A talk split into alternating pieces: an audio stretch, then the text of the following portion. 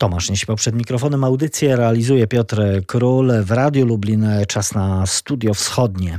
A dziś e, porozmawiamy o Ukrainie, o Ukrainie, która ma swoje e, problemy wewnętrzne, problemy z wpływami rosyjskimi, e, czy także choćby mm, ze szczepionkami przeciwko COVID-19. No to jest jeden z tych krajów, które borykają się z mm, no, możliwością otrzymania szczepionek. Za nami też wizyta przewodniczącego Rady Europejskiej w tym kraju. Sporo się dzieje, tematów nie brakuje i o nich właśnie porozmawiamy rozmawiamy z naszym dzisiejszym gościem. Krzysztof Nieczypor z Ośrodka Studiów Wschodnich jest gościem Studia Wschodniego. Dzień dobry. Dzień dobry, kłaniam się. No i zacznijmy od e, zakończonej kilka dni temu wizycie przewodniczącego Rady Europejskiej na wschodzie, bowiem e, Charles Michel e, odbył czterodniową wizytę, wizytę podczas której odwiedził i Mołdawię, i Gruzję, i Ukrainę właśnie. No i podczas tej wizyty na Ukrainie zapewniał o unijnym wsparciu dla suwerenności i integralności terytorialnej Ukrainy oraz zachęcał władze do koniecznych reform. Kwestia e, korupcji e, była, była mocno omawiana. E, Ukraina nie od dziś ma, ma z tym problem. Mm, no ale właściwie na początek e, powiedzmy, co o tej wizycie można powiedzieć, bo nie była to, e, mówiąc chyba uczciwie, jakaś przełomowa wizyta. Rzeczywiście, trudno mówić o, o przełomie, tudzież jakichś e, decyzjach, które miałyby zostać podjęte podczas tej wizyty. Rzeczywiście, tak jak pan redaktor wspomniał, była wizyta w, na Ukrainie Charlesa Michela, była to jedna z, z części jego, no, powiedzmy, takiego tournée po krajach Y, partnerstwa wschodniego, tych najbardziej zaawansowanych, jeśli chodzi o stopień integracji ze strukturami wspólnoty. Y, z tym, że na Ukrainie y, ta wizyta trwała dwa dni, bo Charles Michel odwiedził nie tylko Kijów, ale również odbył wizytę na Donbasie wespół z ukraińskim prezydentem Wołodymyrem Zełańskim. Trzeba sobie też stwierdzić, że jest, było to jedna z kolejnych spotkań władz Ukrainy z przedstawicielami wspólnoty. Przypomnę, że w połowie lutego odbyło się przecież posiedzenie Rady Stowarzyszeniowej Ukraina-Unia. W październiku z kolei zeszłego roku odbył się duży szczyt Unia-Ukraina. No i w czasie tych właściwie wszystkich y, posiedzeń, spotkań, wizyt, szczytów y, Bruksela powtarza niezmiennie oczekiwania wobec Kijowa. Osadzają się właściwie na jednej agendzie, otóż wdrażania zapisów umowy stowarzyszeniowej, y, w tym zwłaszcza w zakresie reformy sądownictwa oraz zwalczania korupcji. Znaczy, ten temat korupcji to jest ta e, niezmienny punkt wszelkich spotkań e, na tym szczeblu, e, jeśli chodzi o, no, o ukraińsko-europejskie relacje. No i tu trzeba sobie jednak szczerze powiedzieć, że wiele zarzutów padło pod, pod adresem władz w Kijowie to również można kłaść na karp y, tego, że ta, że ta wizyta Szarla Michela nie zakończyła się mimo y, pewnych oczekiwań ze strony Kijowa, nie zakończyła się podpisaniem umów dotyczących chociażby y, wspólnej przestrzeni powietrznej. Tam była również rozmowa na temat międzynarodowych przewozów pasażerskich, a także regionalnej konwencji w sprawie pan eurośródziemnomorskich preferencji reguł pochodzenia. To są wszystkie takie dość techniczne sprawy, ale rzeczywiście y, y, nie zostały one y, do tej pory zrealizowane pomimo dość aktywnej polityki Kijowa, zabiegającej właśnie o, o te kwestie. Rozpoczęto natomiast negocjacje na temat tak zwanego bezwizowego reżimu przemysłowego. Tutaj chodzi o porozumienie w sprawie zgodności i dopuszczalności produktów przemysłowych ukraińskich na terenie Unii Europejskiej, co pozwoliłoby wziąć taki obowiązek administracyjny dotyczący właśnie licencjonowania towarów przemysłowych przemysłowych i dzięki temu zwiększenia poziomu towarów eksportowych, które mogłyby się znaleźć e, na rynku europejskim e, z adnotacją Made in Ukraine. E, no więc to są, to są sprawy, na którym Kijowowi bardzo zależy, no ale tu rzeczywiście te rozmowy nie przechodzą tak gładko, jakby tego władze ukraińskie oczekiwały. No i to jest oczywiście sprawa związana z korupcją i przede wszystkim dotycząca reformy sądownictwa, która utknęła y, już od kilku, kilkunastu miesięcy w y, martwym, y, martwym punkcie. No, szczególnie pamiętamy kwestię sądu konstytucyjnego ukraińskiego. Tak jest. No i to jest sprawa, która, która jednocześnie no, blokuje pomoc finansową ze strony Unii Europejskiej. Charles Michel jasno powiedział, no to, to właściwie wypowiedź, która się powtarza i zarówno taka zapowiedź padła z ust Borela w czasie, w czasie wspomnianej Rady Stowarzyszeniowej Unia-Ukraina, że do, do momentu, w którym Ukraina nie ureguluje kontakty, kwestie związane z Międzynarodowym Funduszem Walutowym, czyli tamtego obiecanej transzy kredytowej, no to niestety również pomoc finansowa ze strony Brukseli zostanie wstrzymana. Jak wiemy, sprzed tygodnia misja Międzynarodowego Funduszu Walutowego została, zakończyła się na Ukrainie no, bez powodzenia. Y, urzędnicy tej światowej organizacji wyjechali z, Kido, z Kijowa bez żadnych podjętych decyzji w sprawie y, dalszego kredytowania ukraińskiej gospodarki. Tak więc, no niestety, sytuacja, jeśli chodzi o kwestie finansowe, płynności finansowe ukrai ukraińskiego państwa, no pozostaje na razie bez wsparcia Y, zachodnich instytucji finansowych, y, no co z, na pewno nie będzie, y, nie będzie ułatwiało w, po, na koniec tego roku spięciu się budżetu i kwestii finansowych ukraińskiego państwa. To może być rzeczywiście problem. Ale żeby nie, no nie, nie, nie kończyć tej, tego podsumowania tej wizyty w takich pesymistycznych barwach, no to trzeba stwierdzić, że w czasie tej wizyty urzędnika brukselskiego. Obaj panowie wraz z, obaj panowie mam na myśli y, Szarla Michela i, i Włodymyra Załańskiego, udali się na Donbas, y, gdzie tam w jednym z punktów granicznych na tak zwanej linii rozgraniczenia pomiędzy terenami okupowanymi a Ukrainą, y, Charles Michel dosyć stanowczo wypowiedział się na temat, na temat trwającego konfliktu, sposobów jego uregulowania i przede wszystkim roli Federacji Rosyjskiej w tym konflikcie. Y, stanowczo y, wypowiedział się o, o właśnie o roli Rosji bezpośrednio zaangażowanej y, w eskalowanie tego konfliktu. Wezwał Władimira Putina do podjęcia rozmów z Ukrainą. Podkreślam tą wypowiedź z tego względu, że jest to jedna z kolejnych takich sygnałów ze strony nie, nie tylko Unii Europejskiej, nie tylko państw Unii Europejskiej, w tym przede wszystkim Niemiec i Francji, ale również Stanów Zjednoczonych, w tym nowego prezydenta Josepha Bidena, którzy coraz bardziej y, stanowczo, ostro, zdecydowanie wypowiadają się na temat Federacji Rosyjskiej i y, roli, jaką odgrywa Rosja na Donbasie. Mm, oczywiście kwestia Krymu również zaczęła się pojawiać. To, to jest y, też skutek polityki Kijowa, która w ostatnim czasie skupiła się właśnie na tym, żeby Krym jako ten e, teren okupowany przez Federację Rosyjską, jako obiekt nielegalnej agresji ze strony, strony Rosji, powrócił na, na arenę międzynarodową, powrócił do agendy politycznej rozmów na, na wysokim szczeblu w stosunkach międzynarodowych, co jest zasługą właśnie działań dyplomacji ukraińskiej. I, i w związku z tym rzeczywiście ta, ta dyplomacja ukraińska odnosi pewne sukcesy. Co z kolei, no tutaj, tutaj od razu możemy płynnie przejść do kwestii polityki wewnętrznej i, i, i, tego, co Wołodymyr Zełenski, jak w jaki sposób aktywnie zaangażował się już w walce na, na scenie wewnętrznej politycznej. A mowa tutaj o sankcjach, które wprowadził na swojego konkurenta politycznego. A no właśnie, to, to, jest to, ze sobą powiązane. E, kwestie to... właśnie międzynarodowe e, Donbasu, ale również e, jego, jego aktywności wobec swoich przeciwników politycznych. No to właśnie przejdźmy do tej sytuacji wewnętrznej. Ona kolejną swoją odsłonę miała kilka tygodni temu, kiedy prezydent Ukrainy zatwierdził decyzję Rady Bezpieczeństwa Narodowego i Obrony. To była decyzja mówiąca o objęciu sankcjami 19 osób prawnych i osób fizycznych, 8 osób fizycznych, w tym jednego z liderów partii opozycyjna Platforma za Życie. To jest, to jest ta partia uznawana za prorosyjską. Chodzi oczywiście o Wiktora Medwedczuka. Skąd taka decyzja, no i, i jakie są jej konsekwencje? Moim zdaniem nałożyły się na to e, dwie sprawy. Po próbie otrucia Aleksieja Nawalnego, e, co jak wiemy no, odbiło się szerokim echem wśród społeczności międzynarodowej, zrobiło to wrażenie na, na, na, politykach europejskich, światowych. No zresztą sprawa bez precedensu, jeśli chodzi o nawet o warunki państwa rosyjskiego.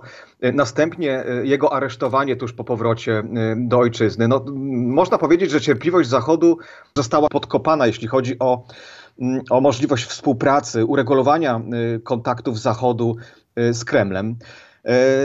Zachodni politycy, wydaje mi się, nie mogą już, tak jak do tej pory, pozwolić sobie na tolerowanie takich E, działań ze strony Kremla bez uszczepku na swoim własnym wizerunku wewnątrz własnego kraju. To znaczy, jeśli mogę użyć takiego stwierdzenia, Władimir Putin stał się na na arenie międzynarodową taką postacią w języku rosyjskim to się określa bardzo fajnym stwierdzeniem nierukopożatnej. To znaczy taki człowiek, któremu się nie podaje ręki. W, w, momencie, w którym. Czyli minęły dochodzi... już te czasy, y, kiedy y, w dobrym tonie, jak pamiętamy, Tony Blair, choćby jako premier brytyjski, no, mocno się spoufalał z prezydentem Putinem. Tak, proszę zwrócić uwagę, że ucichły również. Czy Gerhard Schroeder swego czasu? Chociażby, ale na przykład plany, propozycje francuskiego prezydenta dotyczące budowania wspólnej struktury bezpieczeństwa z Federacją Rosyjską. To jeszcze e, rok, półtora roku temu taka propozycja była na agendzie e, e, europejskiej polityki. No dziś jakby Macron no już nie tak głośno, a przynajmniej medialnie już nie jest to tak rozgrywany wątek stosunków międzynarodowych. No i tutaj możemy rozwinąć całą listę przyczyn tego stanu rzeczy. W Wielkiej Brytanii to na przykład otrucie y, Skripala. To jest kwestia ingerencji y, Rosji w wybory, w szkockie referendum niepodległościowe jeszcze z 2014 roku. Niejasna rola Rosji przy, przy referendum brexitowym. E, to wszystko zresztą zostało opisane w, w, raporcie Komisji do Spraw Wywiadu i Bezpieczeństwa Brytyjskiego Parlamentu z lipca zeszłego roku. E, to, to również także sprawy przekupstwa, szpiegowstwa e, Rosji, w tym przede wszystkim szpiegostwa cybernetycznego. To również kwestia prania brudnych pieniędzy w londyńskim City. W Niemczech to również na przykład morderstwa polityczne, o których słyszymy, wykonywane przez rosyjskie służby bezpieczeństwa. Głośna sprawa Czeczena gruzińskiego pochodzenia, który został zamordowany w Berlinie. To jest y, również y, agresywna polityka y, rosyjskiej pro, pro, propagandy, kłamstwa medialne przez nią rozsiewane.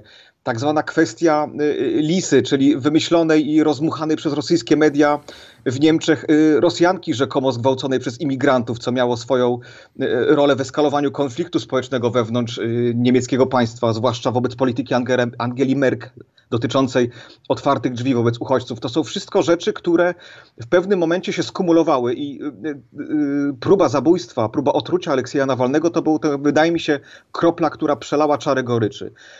I teraz wymieniając te wszystkie elementy. No tu jest ten moment, w którym Ukraina, ekipa Wołodymyra Złońskiego, no, no, myślę, że znalazła taki moment, w którym takie, nazwałbym to okno możliwości.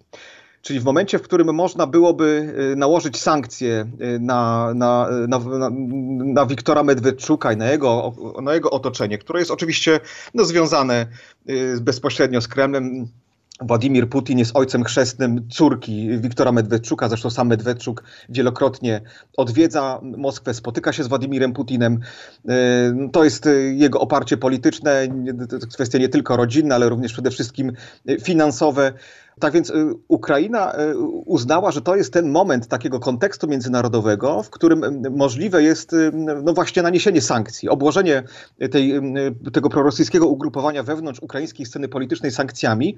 I oczywiście biorąc pod uwagę fakt, że Rosja tego tak nie zostawi, było więcej niż pewne, że w momencie, w którym taka decyzja zapadnie w Kijowie, no to wtedy Kreml no, zorganizuje prawdziwą burzę medialno-polityczną dotyczącą, oskarżającą Kijów o ograniczanie w prawach rosyjskojęzycznych obywateli, bo mówimy nie tylko przecież o, o, o, sankcjach wobec y, samego Wiktora Medwedczuka, jego żony, która jest właścicielką większości jego biznesu z formalnej strony, y, ale mówimy również o zamknięciu na przykład jego kanałów no właśnie, bo on, telewizyjnych. Bo on, on kupił swego czasu kanały informacyjne, których zresztą oglądalność łączna jest no, bardzo dużo, to jest blisko połowa tak, to jest tego... około 40-45% rynku medialnego, jeśli chodzi właśnie o sferę informacyjną tych kanałów stricte informacyjnych. No właśnie, to, to nastąpiło na początku lutego. I to jest właśnie kwestia, która, yy, która dotyczy tej bardziej agresywnej, tej bardziej zdecydowanej, tak to nazwijmy, zdecydowanej i skutecznej polityki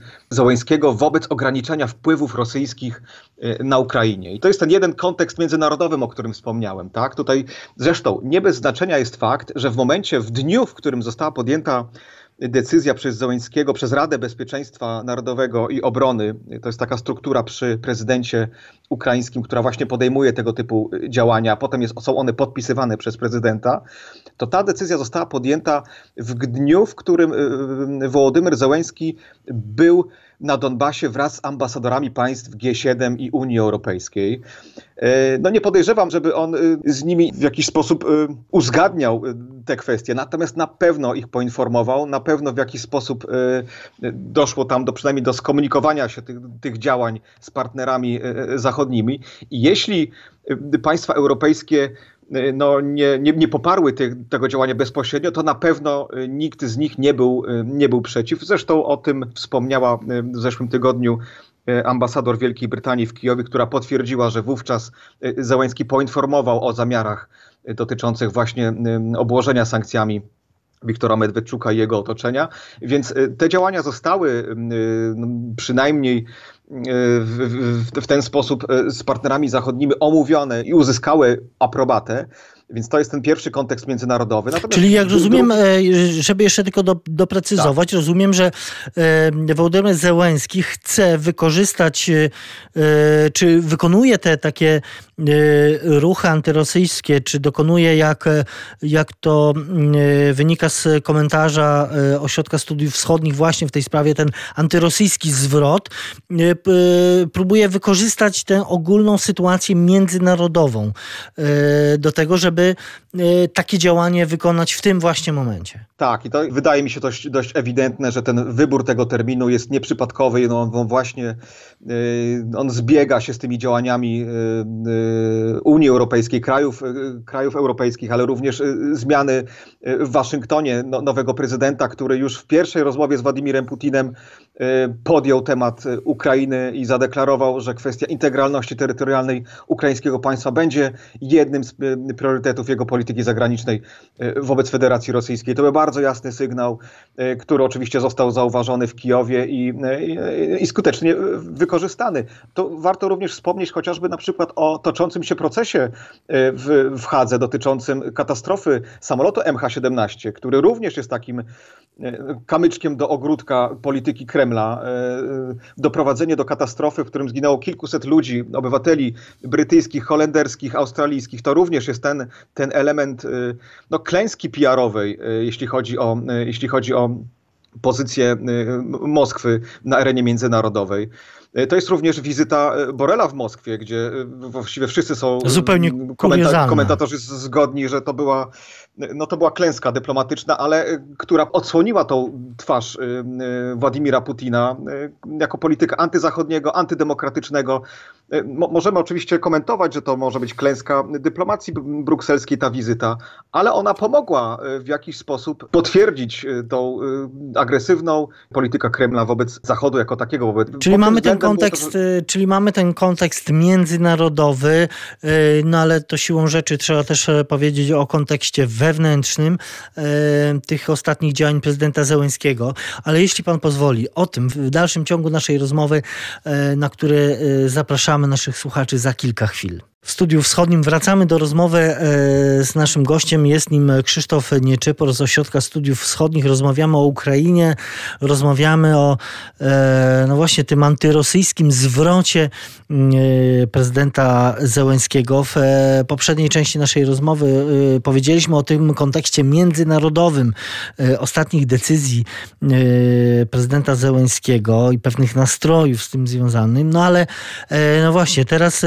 zapowiedzieliśmy o to, to, y, że też te wszystkie decyzje są związane z e, sytuacją wewnętrzną.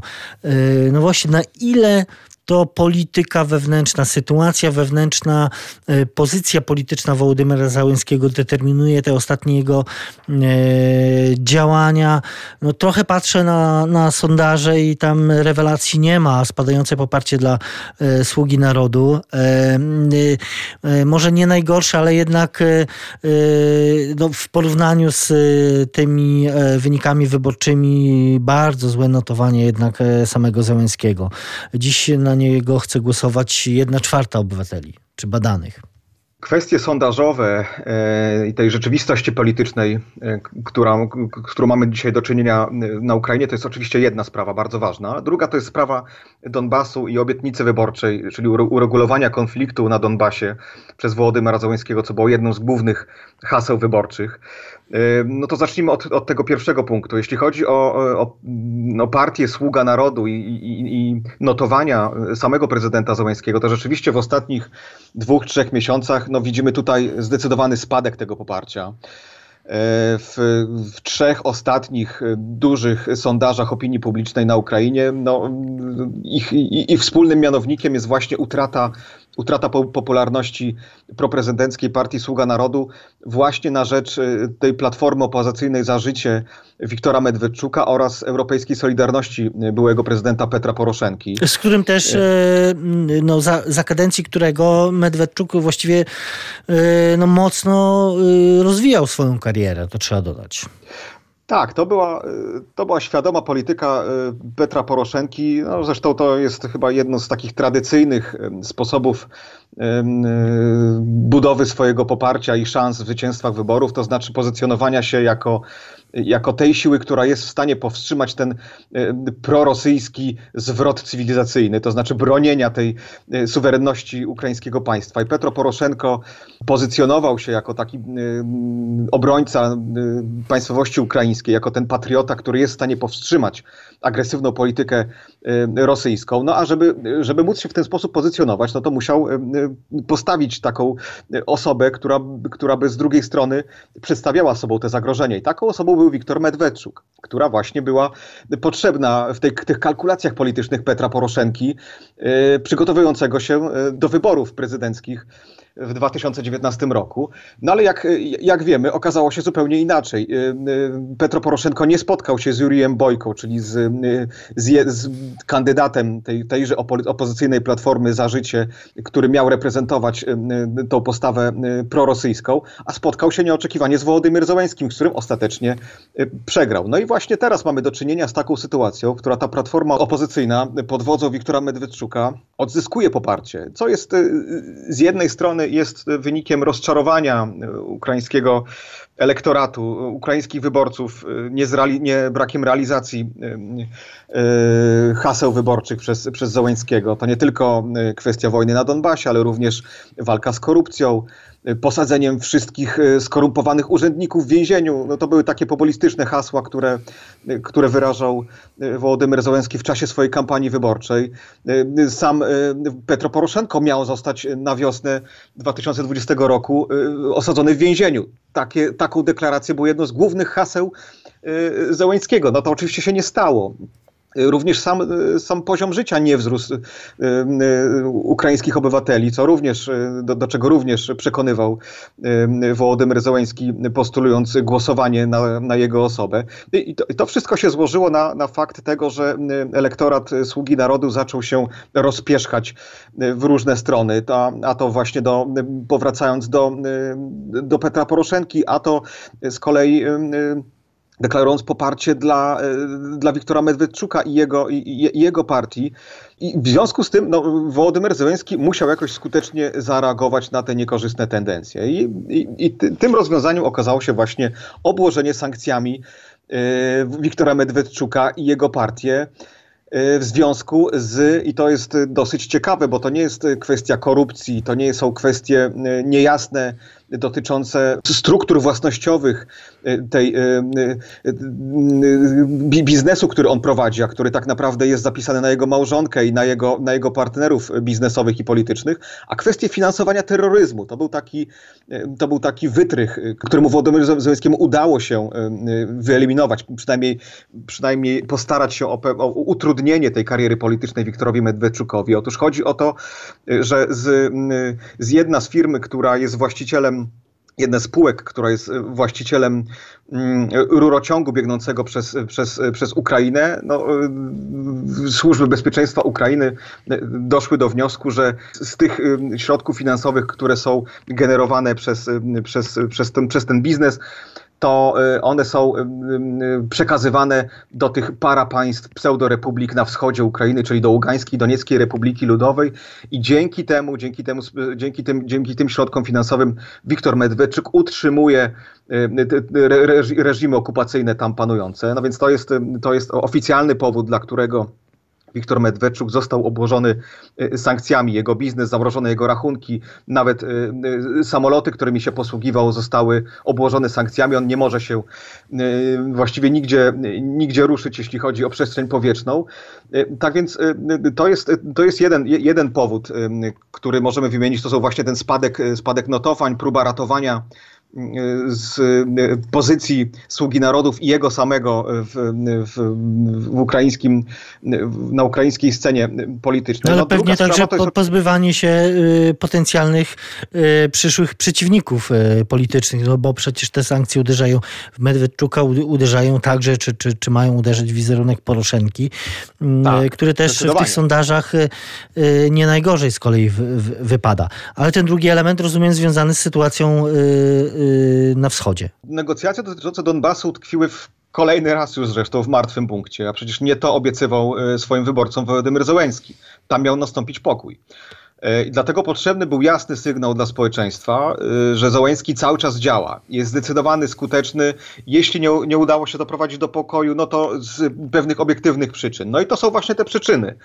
Y, dlatego Medwedczuk został objęty sankcjami w związku z właśnie oskarżeniami o wsparcie dla, dla tych ugrupowań terrorystycznych na wschodzie Ukrainy. Y, zarzut ten z jednej strony, on usprawiedliwia brak sukcesu Zołańskiego w uregulowaniu konfliktu, no bo przecież mamy do, czynienia z wewnętrzną dywersją, która blokuje ten proces pokojowy, a z drugiej strony, co też jest równie ważne, ona uderza w jego głównych konkurentów politycznych. To jest właśnie y, kandydat na prezydenta Juri Bojko ze strony opozycyjnej Platformy, to jest współpracownik polityczny Wiktora Medwedczuka, a z drugiej strony właśnie w Poroszenkę, który w tym, w ten sposób pokazuje się nam jako nieudacznik który nie był w stanie być tak stanowczy y, i zdecydowany y, wobec prorosyjskich ugrupowań, bo to właśnie za czasów Poroszenki Wiktor Medwedczuk stworzył partię, tą koalicję ugrupowań składających się z byłej partii regionów Wiktora Janukowycza, to, to wówczas Wiktor Medwedczuk mógł, tak jak pan redaktor stwierdzić, rozwinąć skrzydła i polityczne, i biznesowe. No i to jest, i, to, i, i ta decyzja o obłożeniu sankcjami uderza właśnie w Petra Poroszenkę, co, co o czym przed chwilą wspomnieliśmy, w, w, w ramach próbowania ratowania notowań Y, prezydenta i, i, i, jego, jego, jego partii. No i ostatnia rzecz, którą chciałbym jednak tu podkreślić, to jest ten czynnik osobisty. Myślę, że Zełęński naprawdę liczył na możliwość dogadania się z Kremlem w kwestii uregulowania konfliktu na, na Donbasie. Natomiast to nie ma nic gorszego niż zawiedzione nadzieje. Tym bardziej myślę, że ta naiwność została rozwiana Wołodymyra Zełęńskiego w czasie trwania tych prób negocjacji y, z Kremlem dotyczącym regulowania wojny. A tą y, kolejną kroplą, która przelała tą czarę goryczy, to była kwestia związana z uwolnieniem jeńców. Otóż y, w połowie stycznia Wiktor Medwedczuk został zgłoszony jako osoba, do której, dzięki której miało dojść do wymiany jeńców pomiędzy Ukrainą a Rosją.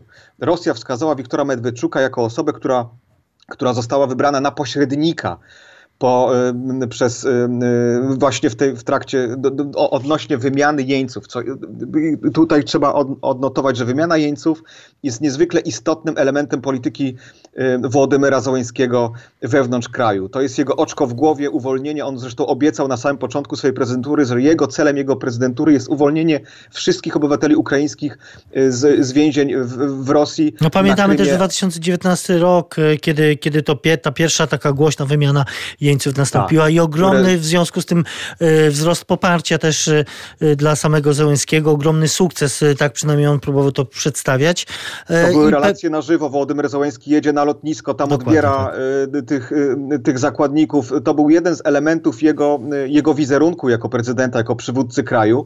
Natomiast tutaj dwa miesiące temu mamy do, do, do czynienia z sytuacją, w którym to Wiktor Medwedczuk nieformalnie zostaje wybrany na, na pośrednika Oczywiście y, y, musimy, musimy zdać sobie sprawę, że ta sprawa jest naprawdę kwestią niezwykle ważną dla ukraińskiego społeczeństwa.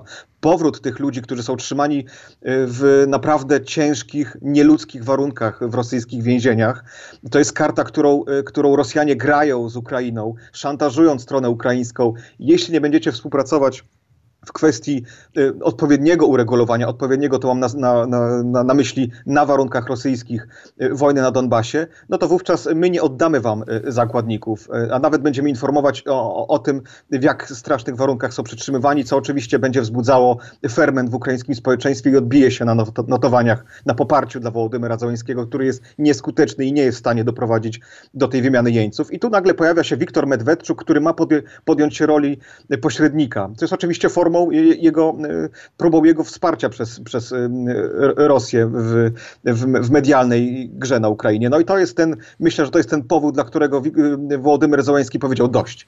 Że to jest ta kwestia, którą, której on się zajmował i Wiktor Medwedczuk nie jest żadną kompetentną osobą do tego, żeby wejść tutaj w jego rolę, którą on wybrał jako tą decydującą o o jego polityce wewnętrznej. I w takim razie y, przejdźmy jeszcze na koniec y, do kolejnego tematu. Y, na Ukrainie no w końcu, można by rzec, rozpoczęła się akcja szczepień na koronawirusa. Do kraju dotarły pierwsze szczepionki AstraZeneca z Indii. No właściwie powoli to wszystko idzie, bo, bo, bo ten proces szczepień no, nawet się nie rozpędza, można powiedzieć, bo poza zaszczepieniem e, no, e, prezydenta, ministra e, zdrowia, to jest kilka tysięcy, czy, czy około 10 tysięcy osób w tej chwili zaszczepionych. No ale to wciąż oczywiście kropla w morzu potrzeb. Ukraińcy spodziewają się, że kolejne szczepionki dostaną, dostaną w ramach no, współpracy ze Światową Organizacją Zdrowia. E, no ale też kolejnym innym problemem jest to, że Ukraińcy specjalnie chyba nie są zainteresowani szczepieniem. Mówię tutaj o obywatelach, bo to wciąż e, niespełna połowa, e, przynajmniej patrząc na badanie opinii publicznej. Rzeczywiście tu dochodzimy do trudnego, kolejnego trudnego tematu, jeśli, jeśli rozmawiamy o sytuacji w Ukrainie. Na dzień wczorajszy było to nieco ponad 12 tysięcy zaszczepionych osób a, a akcja szczepień toczy się dokładnie od 24, przynajmniej tak oficjalnie. Lutego, tak. Tak, czyli nieco ponad tydzień. To nie jest oszałamiająca, to nie jest oszałamiający wynik. Yy, no rzeczywiście do, dopiero 23 lutego dotarł pierwszy transport szczepionek przeciwko koronawirusowi, yy, przeciwko koronawirusowi. Yy, I, i, I, zgodnie z zapowiedzią ministra, ten, ten, ten pierwszy etap szczepień rozpoczął się już następnego dnia. Tu możemy wymienić kilka przyczyn, dla których e, Ukraina jest jednym z ostatnich krajów Europy, w którym e, do tej pory, e, w którym tak późno rozpoczęto szczepienia. W dniu, w którym je rozpoczęto, czyli tydzień temu, jak wówczas śledziłem tę sprawę, to Ukraina była dopiero 92 krajem na świecie, który rozpoczął te szczepienia. Wydaje mi się, że to możemy pozostawić bez komentarza. Jakie są przyczyny tego stanu rzeczy? E, e, jedną z nich jest oczywiście fakt, że Ukraina jest, e, no, jest tam, gdzie jest. To znaczy. Nie jest członkiem poza... Unii Europejskiej z jednej strony. Tak, nie jest członkiem Unii Europejskiej, nie jest, nie jest, a jednocześnie ma, jest w stanie wojny z Federacją Rosyjską, która, jak wiemy, prowadzi dosyć aktywną dyplomację szczepionkową za sprawą swojego, swojej szczepionki, szczepionki Sputnik. Ciekawostka, szczepienia rozpoczęły się w Donieckiej Ługańskiej Republice Ludowej wcześniej niż na Ukrainie właśnie za sprawą e, rosyjskiej szczepionki, która tam została e, dostarczona wcześniej, aniżeli Ukraińcy e, dostarczyli tą, tą indyjską szczepionkę AstraZeneca, tydzień temu nad Dniepr. Także to jest jeden, jeden z elementów wojny informacyjnej, która toczy się pomiędzy Federacją Rosyjską a Ukrainą, to znaczy takiego wyścigu w, w szczepieniach spo, społeczeństwa. A i, i, i, to jest jedna sprawa, że, że Ukraina niestety jest na marginesie tych procesów integracyjnych które, które toczą się e, w świecie. No, Ukraina jest po prostu na takim uskoku cywilizacyjnym pomiędzy, e, pomiędzy strukturami zachodnimi, a pomiędzy Federacją Rosyjską i, i jej bliską zagranicą, gdzie Federacja Rosyjska rości sobie prawa do, do posiadania wyłączności regulowania kontaktów z tymi krajami i stara się je zintegrować ze swoją sferą państwową. No i druga sprawa to oczywiście kwestia wewnętrzna. Przyczyną opóźnienia tych dowozów, tych transportu, tych szczepionek był spór kompetencyjny pomiędzy Ministerstwem Zdrowia specjalną agencją, która jest do tego, została do tego powołana, e, która powinna właśnie odpowiadać za zakup, za zakup preparatów medycznych.